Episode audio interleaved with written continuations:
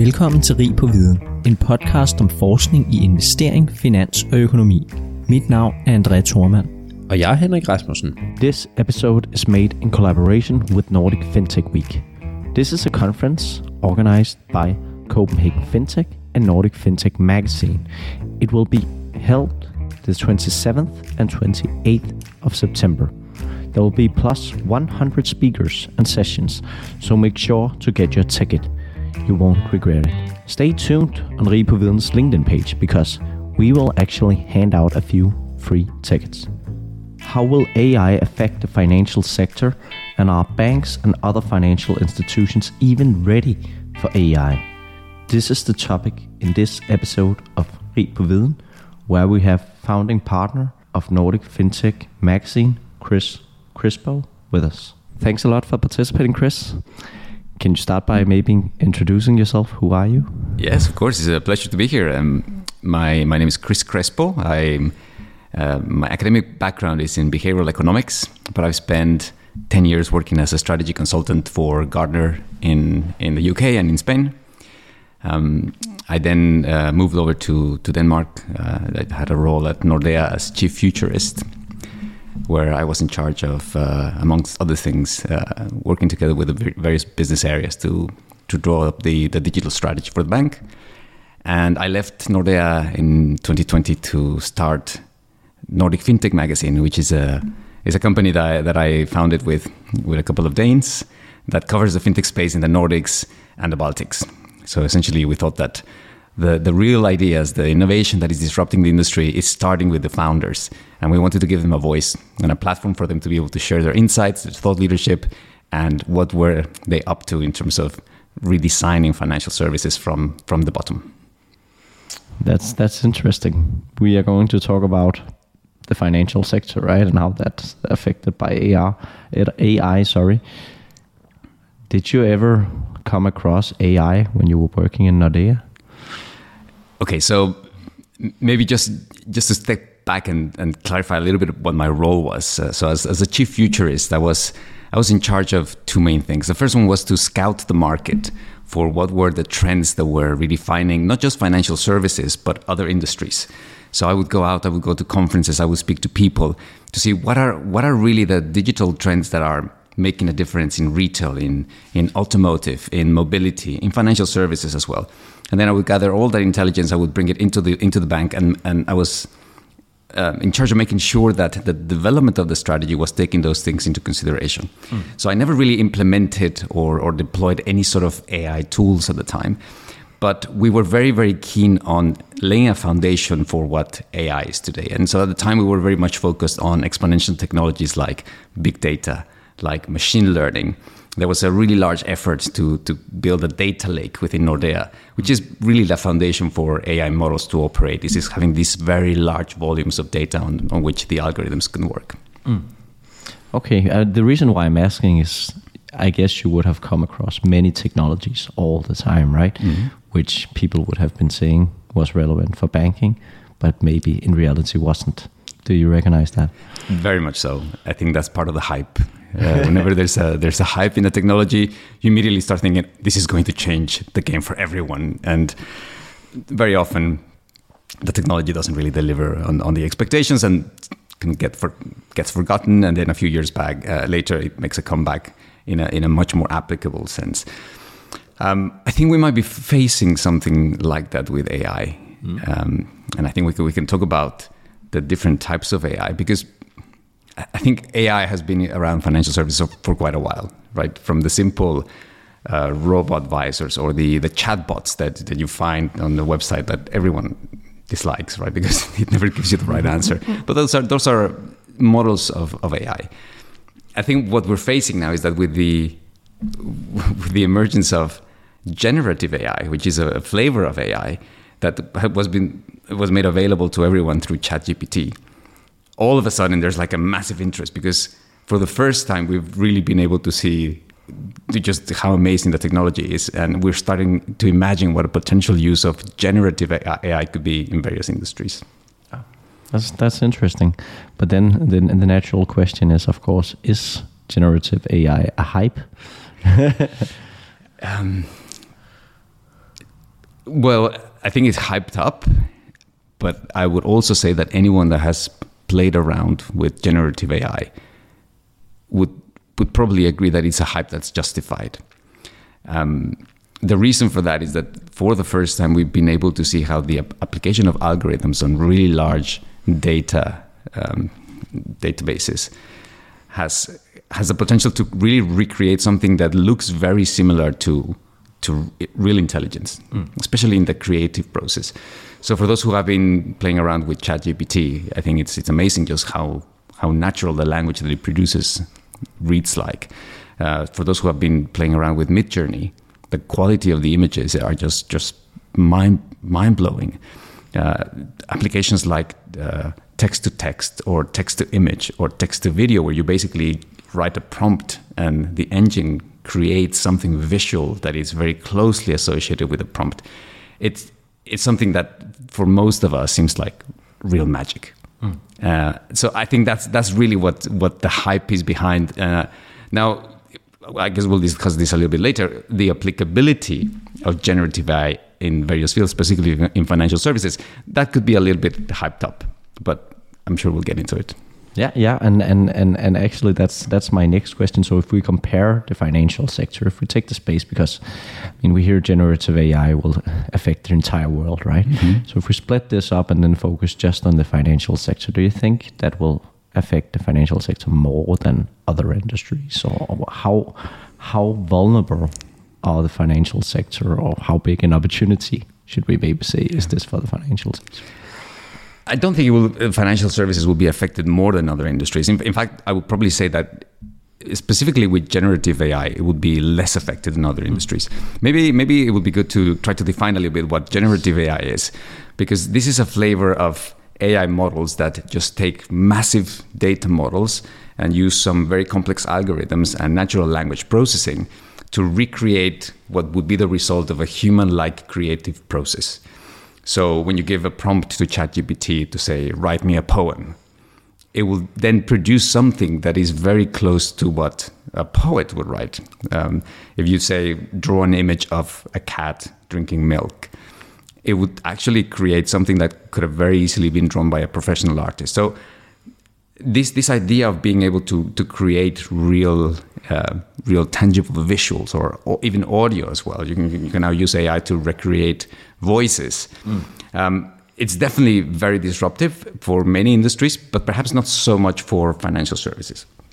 I could say I could see that the entertainment industry mm. or anything that has to a creative angle behind it is going to be massively disrupted by it. We've already seen the the protests happening in Hollywood where actors are protesting so that production companies are not able to use their image to reproduce AI avatars in their likelihood that look like them, like move like them, that behave like them, and that speak like them, because that effectively leaves them out of the out of a job.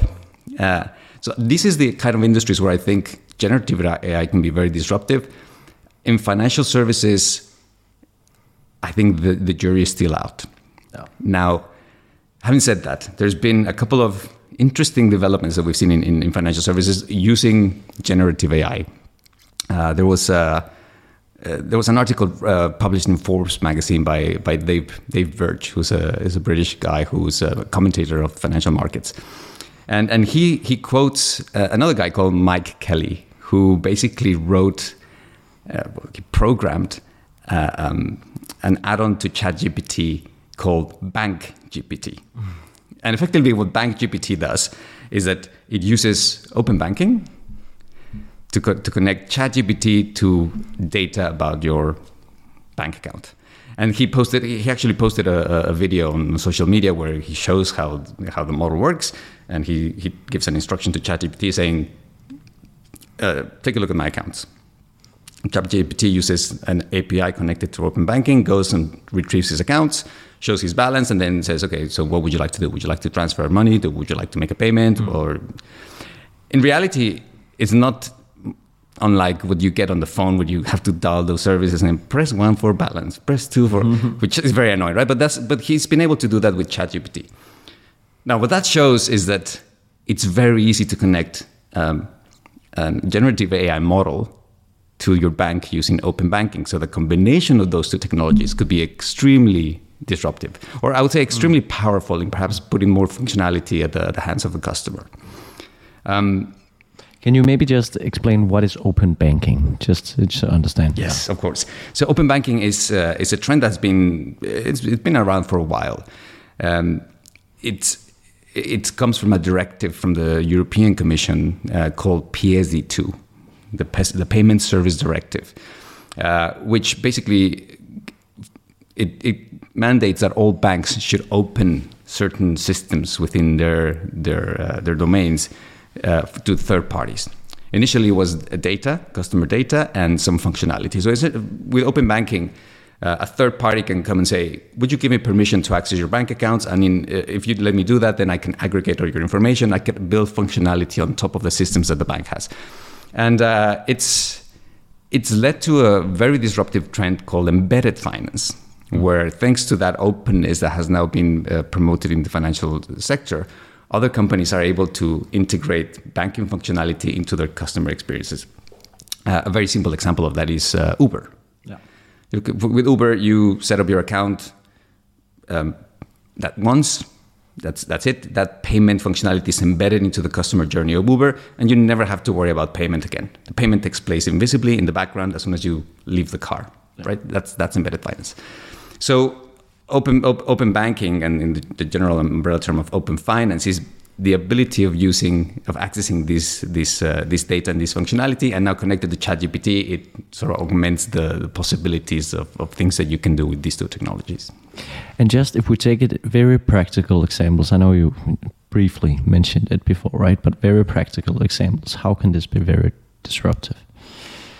Well, I don't I don't know if it's very disruptive in a sense right now right? So but potentially, potentially, that's it's a good question. I I I, I wouldn't want to just start speculating of the, the, things that could be done with it.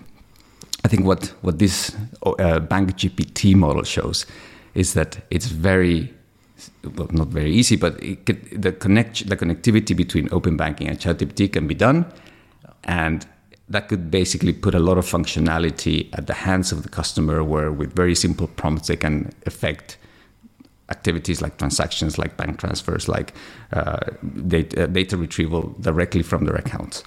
So I would say that if we think about all the potential activities that could be done on the back of open banking and embedded finance, given that all the realm of potential functionality and a simple access point with ChatGPT, then it just becomes extremely convenient and extremely easy to do what previously would require you to call the bank or log onto your net bank and then try to find out where exactly on all these menus will I find the transfer option. So it's more about convenience and seamlessness as opposed to like all of a sudden creating things that were not there before. Okay. Yeah, because I'm just thinking, I mean, it's not like most people use banks for very complex matters, right? I mean, it's mm. transacting money. Okay, I can tell it to a chat, chat GPT, yeah. transact this money. Okay, I could also just click yeah. transfer, right? It's uh, yeah that's not a big move, right? Uh, we don't, fortunately, we don't call the bank anymore to transact money. Uh, there are advisors, of course, advising about all sorts of stuff. If we want to buy a house or whatever, it could probably. But that then we are back to the robo advisor. I'm just thinking, right? And it's.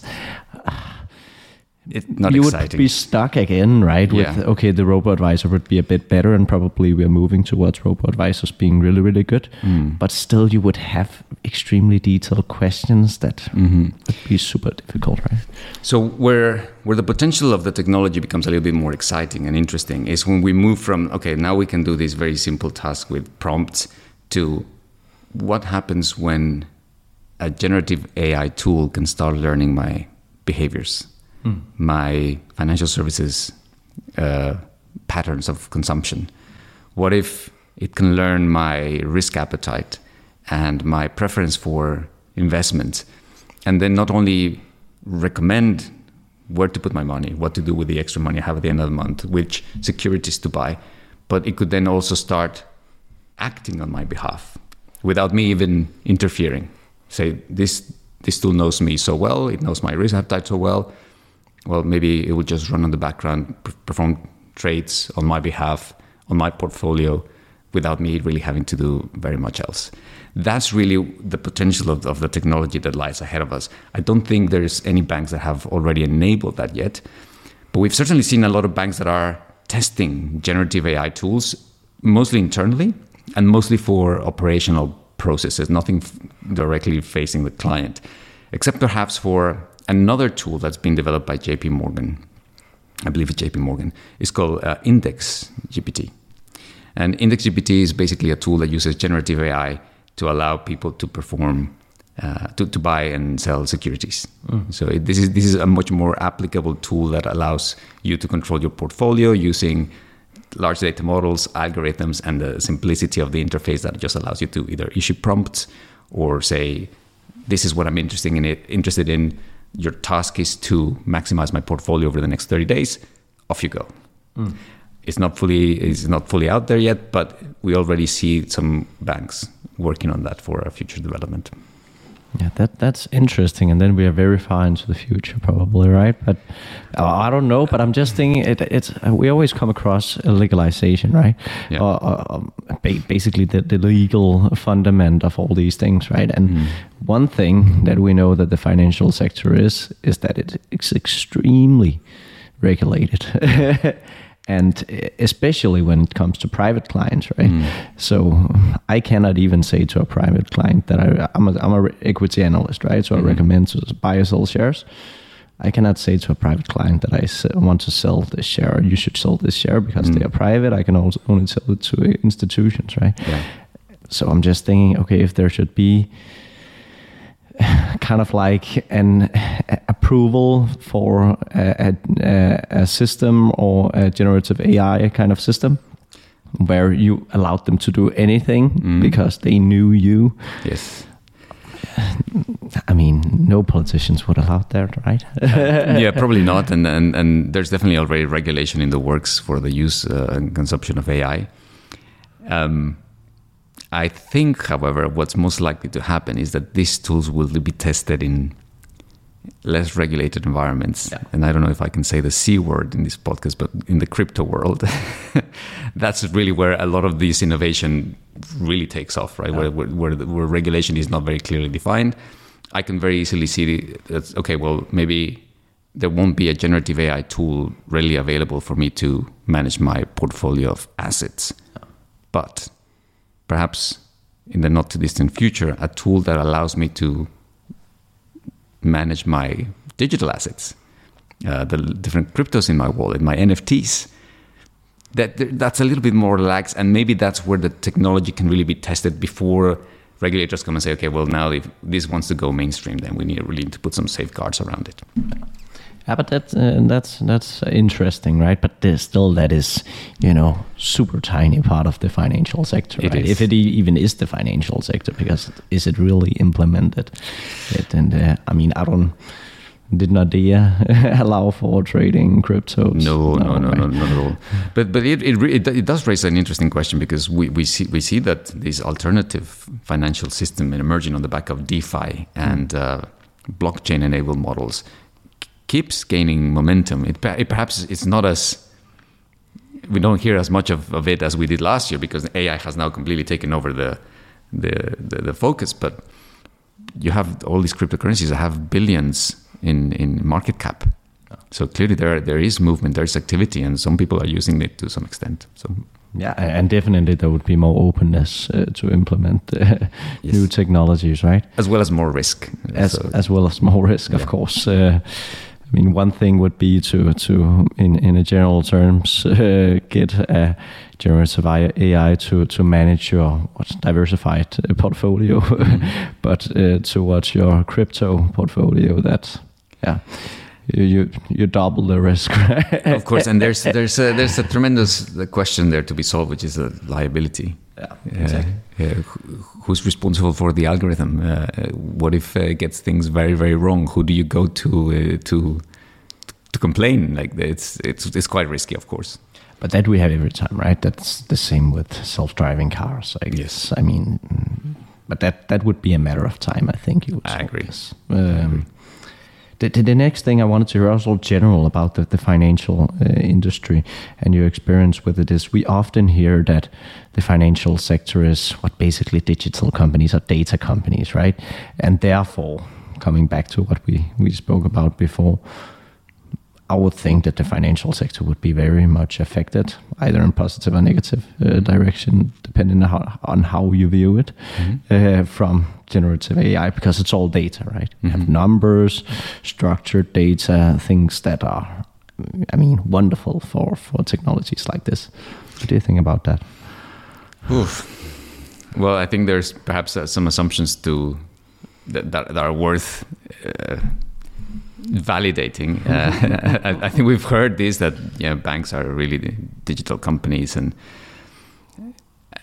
uh, I, I, don't know to what extent we can really say that. Uh, of course, they, they have a lot of digital technology, but we still see a lot of banks, especially incumbent traditional banks, that are operating on mainframes, whose systems are just so convoluted that it makes it extremely difficult for them to really adopt like brand new digital technologies that uh, that can deal with all the new functionality that you see, for example, emerging in neo- neobanks or, or in fintechs. Mm. Um, I think that's a matter of time because banks that don't really evolve to keep up with the demands of the customer and the expectation of some customers will eventually be become irrelevant. But I don't I don't think that most banks are there yet. Um, I think uh, partly because it, it's very difficult it's not that banks are just sitting sitting back on their chair, just relaxing and seeing. It's just very difficult. There is a lot of intricacies and a lot of systems that re, that that talk to each other that makes it extremely complex to to fully digitize banks. Uh, secondly, because of regulation. Um, it's it's it's difficult navigating the regulatory environment, especially because it changes regularly as well. Um, and and and thirdly, it's it's it's also a culture thing. Um, having worked in financial services uh, for most of my, of my, career, I think it's easy to see that there's a different mindset between traditional banking services and what you would consider digital companies. Mm. Uh, and it's not just about, oh, here's my PDF, I'm a digital company now. It's all about to think how can we remove friction from the customer experience? How can we use technology to make invisible what previously was was visible? But it goes as far as to say, what do we sell? What do our customers want to buy? And and this idea that I think if we're, we're in a bank, we think our customers want a mortgage, our customers want a car loan, our customers want X, Y, and Z, which coincidentally matches perfectly our, our portfolio. And we forget that customers don't want a mortgage; they want a home. They don't. They don't want a car loan. They want a vehicle to take them from A to B. So that mindset of saying what does the customer want and how can I provide it with the tools I have in the in the most seamless and, and convenient way to them has not really caught up with all financial institutions. Hmm. That, that, that, that's very interesting, I think. But also, and and that's that's another thing I've also been hearing, especially from consultants, uh, that the, the back end IT systems in banks is extremely old mm. and complex. Yes. So maybe also a few words on that. I mean, is it true that new technologies is actually extremely difficult to implement into IT systems within banks because it's all very old backends that is extremely vulnerable to what's changing, basically, and very expensive. We saw Nordea, I think, making extremely big IT investments. Yes, of course. So uh, I think if you look at the core banking platforms, which is the systems that basically operate all the the ledgers in, in banks, uh, most most incumbent organizations have these tools that have been developed for 40 50 years and and as, as that development happens every time that there's a new tool integrated there needs to be some customized development to make sure that the tools can talk to each other that the data that is contained in one can be extracted uh, in the way that the other tool needs it. Now if you think that that happens all over the bank in all units you end up with something that is so complex that it, it, be, it becomes almost an impossibility to change it. Uh, we've seen a lot of service providers that are coming out with these uh, banking as a service solutions, especially core banking as a service solutions that offer to say, look, forget about your old uh, Frankenstein uh, creation. Just here's here's a cloud-based solution that can enable you to do the same. And, and to some extent, some banks are considering it, and, and they, some banks are actually deploying it. But I, I think the complexity cannot be understated. It's it's it's it's there's risk involved. There's uh, there's a lot of data, and we're talking about the most sensitive type of data, right? Is people's finances. So you you can't get it wrong. Uh, and, and and that's also why I think banks sometimes take a bit longer to adopt these things. Um, but eventually, all banks will have to do something about their their backend systems uh, if they want to be able to compete with with new entrants. If they want to be able to compete with technology companies that are launching value propositions for financial services like Google, Apple, etc. It's it's just a matter of time. Um, and I remember the the, the, core banking replacement at Nordea, the simplification program, which uh, I don't I, I, don't know I haven't followed up with it, but I don't know if it's still going. When I was there, it had, it had been going for seven years, and it, it, it, was still not nowhere near completion, right? So, but it was very big amounts. I mean, I recall from yeah. an investor angle, it was very big amounts they had to invest in this. Uh, I think it was the largest uh, core banking replacement project, uh, at least in Europe. Um, I, I, don't know if we can reveal how much it was, but uh, but it was huge. No, it's public somewhere. I, I, don't know the amount, but yeah. Well, at, at the time, I, I, believe it was 1.2 billion. Uh, very high amount. Yeah, sounds sounds correct. yeah. but yeah, but yeah, it's uh, at least it cost a lot, right? And and and many banks are just standing in front of this journey, right? But that also, I think, sets a it sets a limit to much to how much new you can do, right? Because you need to do that first. Yeah, I guess it's it's a big journey, right? And then then you have a pause in terms getting new technology into the space as well. Right? Yes, yeah. yeah. And also, lots of banks decided to go for an alternative strategy, which was let's let's develop an, a brand new bank on the side mm. that is developed with new technology, and then once that gets some traction, we can transfer the accounts from one to the other uh, I think that we, we saw a trend a few years back where all the banks were creating their side bank, which was a fully digital bank. I don't think that worked out that well. Uh, many of those have now closed or have been reabsorbed or, or sold sold out. So yeah, it's a, it's a challenging environment in which to operate. Interesting. The, the last thing I wanted to hear before we, we also need to talk about your your article. Mm-hmm. That is, and and you have been in Gartner yourself, right? Yes. I, I also mentioned it before we began the recording, but but uh, this was actually new to me. This Gartner hype cycle, yes. um, which I also think is really relevant in terms of discussing AI. Maybe you have mm-hmm. worked in Gartner. Maybe you can explain a bit what it is and also where we are on the hype cycle for generative AI. Okay, so the hype cycle is a tool that was developed by Gartner that indicates the, as the name indic- uh, says, the, the the, the, various stages in hypes of new technologies. And that usually is like a, a, very pronounced slope, which is called the, the peak of inflated expectations, where the technology reaches the top and everyone thinks that this is going to be the next best thing after, you know, sliced bread. Then there's a slope in which that technology sort of goes down where reality hits and all the expectations that we had for the technology don't really deliver. And then there's there's there's a, a, a resurgence, which is a the moment that that technology sort of hits the mainstream, which is, is it starts to to plateau and, and really becomes mainstream and really now we can understand it for its real applicability and its used in, in, in real life scenarios. And most technologies go through that hype, then that uh, slope down, and then that plateauing uh, in the mainstream. Um, with generative AI, I would say I haven't actually seen the the hype cycle for uh, for generative AI. But if I was to guess where generative AI is in that curve, I would say it's either peaking or just in the in the inflated expectations side of things. Uh, we will probably see it just go down shortly, and eventually it will it will um, plateau and it will become mainstream, and everyone will be using it, and we will all be thinking like, what were our lives before we had this available to us? And and what is it? The rule of thumb is it is it two to five years or something before it becomes mainstream or um, it, well it depends some technologies take longer time than, than others with with ai what seems to be remarkable is that it's changing at such a speed and that's partly because the quality of AI models depend very much on the amount of information available to them.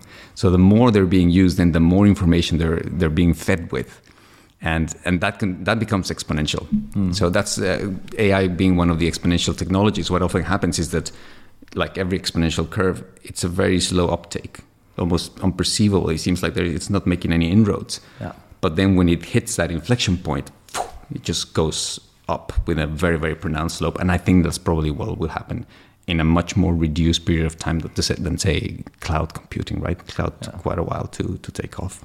But isn't that, I mean, that, that view, isn't that just a sign that we are on top of the hype cycle? that, you know, we're talking about this is super. I mean, it's, we've never seen anything like this. It's exponential, all these different things. I know that mm. it might be, mm-hmm. but when you cannot see uh, uh, you cannot see any clouds in the sky, right? Just that we go we continue yeah. to go, go, go. Then we are really peaking the the, the hype cycle. Or it, perhaps you're right, but then I think maybe it, it would need to be qualified on by industry. Because because as, as I say, I think for financial services, that hype, at least in my view, it's it's still a little bit hazy.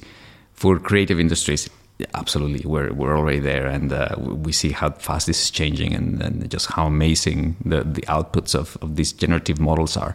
Yeah. So yeah, it's it's interesting this thing about the creative industries because. Um, I think that uh, this is just my perception. When we have been talking about technology, we have also always been thinking, again, my perception, that creative industries were protected, right? because it was creative, so you cannot uh, rep- replicate it in, in any way by a technology. But really, how creative are creative industries? It seems that it's also just you know picking up data in different ways, gathering together in, in your brain, and then spitting some art on or movie or whatever out. Yes, uh, you're you're right. That's that's a little bit uh, confounding because one would have thought that those are the ones that would, the last ones to be disrupted.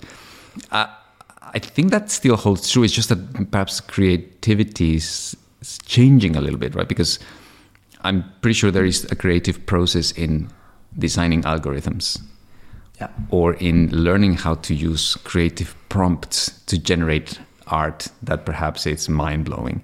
So while maybe the, the, the very basic act of grabbing a pen and paper and then start drawing something could be easily replaced by AI today, the I would say that there will be like a more sophisticated creativity process that still will rely on people think, coming up with great prompts or people coming up with great algorithms that can create things that we haven't seen before. Um, yeah, it's it's a very it's an interesting question. Uh, there still needs to be someone behind the algorithms, I would say. Definitely before we run out of time completely, uh, then uh, let's talk about you. You wrote an article, and it hasn't been published yet, actually. Uh, so, uh, so, let's see if it's published when we when we publish this. But at least people will get a, a, peek into what it is. But you wrote navigating the transformation, generative AI's reshaping of financial services. Can you maybe start yeah. elaborating about why you wrote this? Yes, of course. So that's the working title. Uh, the, this article is going to be published on the fall edition of Nordic FinTech magazine, which will come out mid September. It's also the magazine that will get uh, distributed during Nordic FinTech Week, taking place in Copenhagen, 27 and 28 of September, and it also gets distributed all across the Nordics and the Baltics. The reason I wrote it was primarily to try to understand it myself. I think when you when you go through the writing process, you you you you polish your thinking, right? So I I have hundreds of conversations with founders and entrepreneurs on, on, uh, on every year, and we've been hearing an, a lot about AI, and I just needed to make sense of all the things that I was hearing about it. So I decided to put it down on paper, uh, primarily for that. Uh, secondarily, also to inform our audience of, of what's happening. Yeah, I think uh, if if our audience are anything anything like me, they probably are very confused with all the terminology that gets thrown around with different flavors of AI, with all the names of these tools that seem to be there's just new tools every week. So it was more just to say, okay, well, this is what we know. This is probably how we should think about it, and maybe these are the areas where we think that AI could could be most useful in financial services. Things like fraud prevention, things like um, uh, predictive analytics and recommendations for, uh, as we talked about, index GPT, um, risk management, those type of functions, uh, we can really see a clear use of, of AI technologies in, in the short term. And well, we wanted our audience to be a little bit more informed about that. Did you use ChatGPT to write this? uh, okay, very very interesting question. You put me on the spot. Uh, so what I used ChatGPT for is to refine my writing. So usually what happens is that I go and write something, yeah. And I say, okay, can you make this more concise? can you make it a little bit more engaging?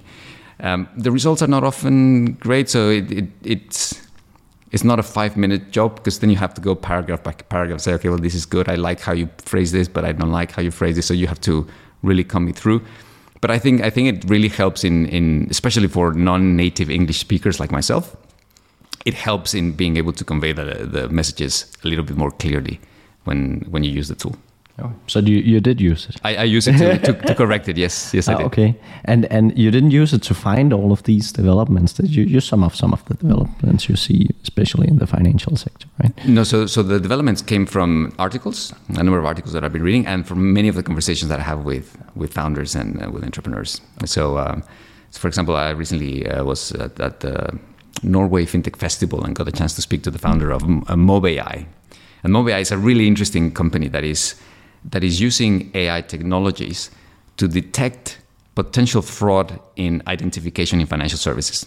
I'll explain how uh, within the KYC process or within, within the identification process, you can now use AI tools to generate images that look exactly like someone else, that sound exactly like someone else, and that could fool any person to think like, yeah, this is real. So what this company does is it, it uses some technology that detects the reflection in your eyelids of light. What does that mean? If someone has a pulse, blood going through their veins, there's very, very, very tiny changes in light when blood runs through your eyelids. Mm-hmm. And this technology can detect that variation in life in, in light and say, yes, this is a real life person, versus no, this is a deep fake. So, uh, so it's, it's, it's technologies like, like that that uh, that I think are really exciting, really interesting, and I just wanted to be able to compile all those things and say, okay, we need to let our, our audience know that all these things are coming. What's the usability and what's the potential uh, disruptiveness of each one of these? And let's let's maybe that that was one example because you go through a lot, and we spoke about the the, the, the open banking Yep. uh, in the beginning, right? But can you maybe sum up some of the, I mean, most um, interesting technologies basically for the financial sector that you see and sum up in your article? Yes, of course. Uh, so I would say open banking was it's very interesting. What we're now talking about is open finance. So how could the principles of open banking be expanded to the rest of financial services? And how will then, through open finance, financial services will be embedded into the customer journeys of every single other industry? So we've spoken to car automotives to travel companies to retail companies to e-commerce who are coming and saying like yeah you financial services you need to understand what we need from you in order to be able to make the customer journeys for our customers seamless effectively you know we should be able to integrate your insurance value propositions your credit value propositions your lending value propositions into our customer journey so that customers don't even have to worry about that. They can get access to credit access to money access to insurance immediately whenever they're dealing with us. So that's that's a that confluence of industries is very interesting. We have of course uh, still the web3 environment where even though we're not hearing that much about it, developments are still happening. Uh, there's the the whole crypto space, all the DeFi protocols, which enable financial services that we haven't seen before, and that's really where new business models are coming about. Are really, really innovative, like uh, uh, pooling and uh, and yield farming, and all these terms that are very uh, relevant to the crypto space. Mic- uh, what's it called? Micro micro lending in a sense that you can you can borrow a crypto for a matter of seconds. So you, you, you borrow a crypto for say five seconds, then you pay an interest on that crypto for five seconds, but then you can use tools to invest that crypto asset during those five seconds repeatedly uh, a certain amount of time. So there's all these functionalities on the back of technology that are very interesting, and this is all happening in the Web3 space. There's of course uh, the future of payments, future of lending, future of re- uh, regulation, future of wealth management, future of insurance, where we see a ton of innovation happening. Uh, it's, it's really worth taking a look at that because uh, there's there are lots of things that uh, perhaps uh, we, we wouldn't have time to go into detail, but that uh, that are making all these various parts of the of the value uh, value chain of financial services uh, very very interesting um, and potentially quite revol- I wouldn't say not revolutionary, but quite distinct from what we experienced in the past, in the sense that they are making things a lot more easy, simpler for customers, and in a, in a sense, I would say perhaps even commoditizing some of those services for, for the customer. Okay, that that's interesting, and and I hear you as the developments we see, which is also natural, I guess, for inno- innovative process. It comes from the small, more, you know, less structured parts of the financial sector, right? Yes. small fintechs, Yes. uh, basically. The big banks are not really innovating here, or what do you see? I think some big banks are innovating. Many of them are doing so in, in partnership with technology companies, with service providers, or with fintechs. I think there's a very simple reason for that: is that fintechs are much faster. They can bring products to market very quickly, while in banks you need to have a specific process and committees and decisions that are make the, those decisions take a lot longer. Um, regulation. Um, in a bank, you are very your hands are really tied by, by reg- regulation. While in a fintech, perhaps you can operate since you're not really launching anything immediately. You can you can operate in the, in, outside the boundaries of regulation for some products while you test the, pro- the proof of concept, and that also gives you speed speed to market. Uh, and lastly, it's, is also the it's this culture thing about. Uh, what can we do with technology? What, let's let's let's run fast and let's learn along the way, and let's uh, let's learn from failure, which is a very startup-y sort of mindset that you can't really afford to have in most organizations in financial services because it's not okay to break things and it's not okay to fail. You you you need to have your customers' interests at heart at all times. And I mean, I thought actually, and, and now I'm looking at big, big banks here, right? Um, I don't have the numbers, but I would think that number of FTEs within, especially compliance, back office sorts of stuff, despite we have had a massive positive technology uh, development with new technologies helping, then numbers of FTEs have just been going one way up, Yeah. right? Um, because of regulation, because of, you mentioned yourself, KYC, AML, anti-money laundering, uh, all these different things that especially has been relevant in, in Denmark, right? Are there a big potential here, or are regulations so tough that we need to keep a very high uh, certainty here, and therefore a lot of FTEs? Well, I would say that uh, regulation requires uh, to have professionals that are uh, constantly adapting to regulation. I, I, would say that the, the FTE numbers is perhaps more in relation to if the bank can now use technology to do a lot of the menial tasks that require a person to really go and do very repetitive, boring tasks.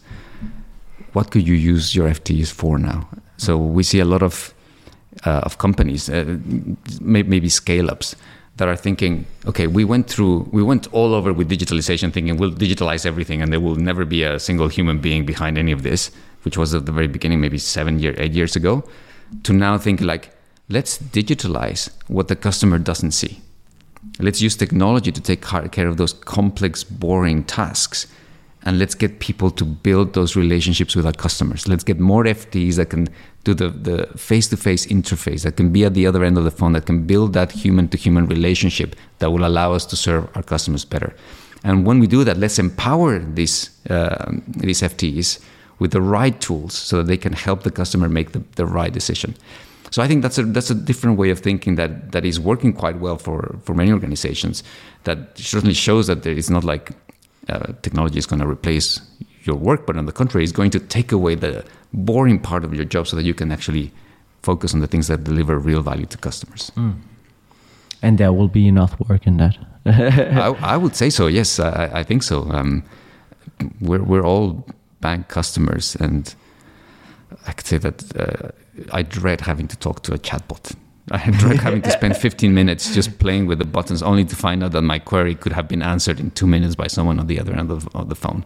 I know that's there's a business. then you're back to Gen AI, right? Shouldn't that improve robo advisors? Incredible. uh, it, well, I guess it could, but that also depends on am I able to write ask the, the right question to get to the answer, and then it's putting the onus also back on the on the customer, which I I don't know. We'll we'll have to see. Yeah, let's see. What are your concerns about this? Well, my concerns specifically with the use of generative AI, and this is more of a, a broad concern rather than one applied to financial services, is that it, it could it still has some security concerns, of course, some privacy concerns, but also it, there's there's some biases behind it. Uh, and what do I mean with that? These these models operate on large amounts of the information that's publicly or privately available, and that's how they they they work. What is going what's going to be the answer that I give? Now, we've become pretty good at finding information, right? With Google, uh, we now are very proficient Googlers. We can just go on Google, find out what we need, and and that's that's been the sort of the first experience that most of us have had with digital technologies, in which we ask a question, we get a number of answers, and we go and check. With artificial intelligence, we're no longer talking about information; we're talking about knowledge. Mm. So whoever controls the algorithms that output knowledge will have an enormous impact on public opinion in all matter of things politics, economics, healthcare, uh, cultural and social aspects. Um, I think most of us take Google as an authority. You can claim something. Mm. How do you know? I found it on Google. Ah, okay. Sorry, we have. Uh, we've you said something bad about Google. Yes, yes they're listening. They're listening. um, so, so with with with generative AI like ChatGPT, we might start taking whatever ChatGPT says an, as an authority, and we don't really know what's behind it in terms of the algorithms. I think almost no one knows really how these algorithms work and how they're. Can we trust the output? Can can should should should we just believe it blindly without having any other uh, generative AIs uh, pose a, a, a, contrary view? I don't know. I think that's um, that's a concern I have. Um, I think we're all humans and we, we, we look for the most expedient and easiest ways to get to an answer. The problem is that what if that answer is perhaps informed by a very one sided view of things as opposed to a much more neutral and balanced view of whatever it is that we're trying to find out? So that's a concern that I have. That, that, that's a good point. And if it wasn't caught on the mic, then what happened was that Google, I think, when you said Google, Chris, then uh, my Google Home went off crazy, saying something. There we go. Um, so, uh, yeah, that was what happened. yeah. Um, we are actually running out of time here, uh, Chris. So, can you maybe sum up what what's your key takeaways from your article generative AI if the listeners just should you listen to 30 it's, seconds here? It's it's very simple. Digital has to be experienced. I cannot tell you about digital technologies just by telling you. You have to go and check check it out. So for anyone who's remotely interested in the potential application of of generative AI, go and use ChatGPT. Go download a Discord server and try out Midjourney. Try out Stable Diffusion. Try out text to text, text to image, text to video. Explore the technology. It might not have any relevance with your with your day-to-day activities, but it's important that you get to see what the technology is doing, that you get comfortable with it, and you start exploring it. I, have wasted countless hours just generating images on Midjourney just because it's so it's so fascinating. So um, I would say that's that's probably what what I would say is a new technology. We all need to become familiarized with it, and uh, it, it, could be quite useful in our works, uh, in, in our jobs. Uh, but it's certainly fun to go and try it out. So I would recommend everyone to go out and give it a go. Go, don't go waste hours, yeah. but learn. exactly. Um, thank you so much, Chris, for participating. It was a pleasure. It was a pleasure too. Thank you for having me. Tak for, at du lyttede med til Rig på Viden. Jeg håber, at du lærte noget, og hvis du nu synes godt af vores podcast, så kan du støtte os ved at følge den på Spotify eller skrive en anbefaling på iTunes. Inden på LinkedIn, der kan du følge André Thormand, Benjamin Somofen eller Henrik Fode Rasmussen. På genhør.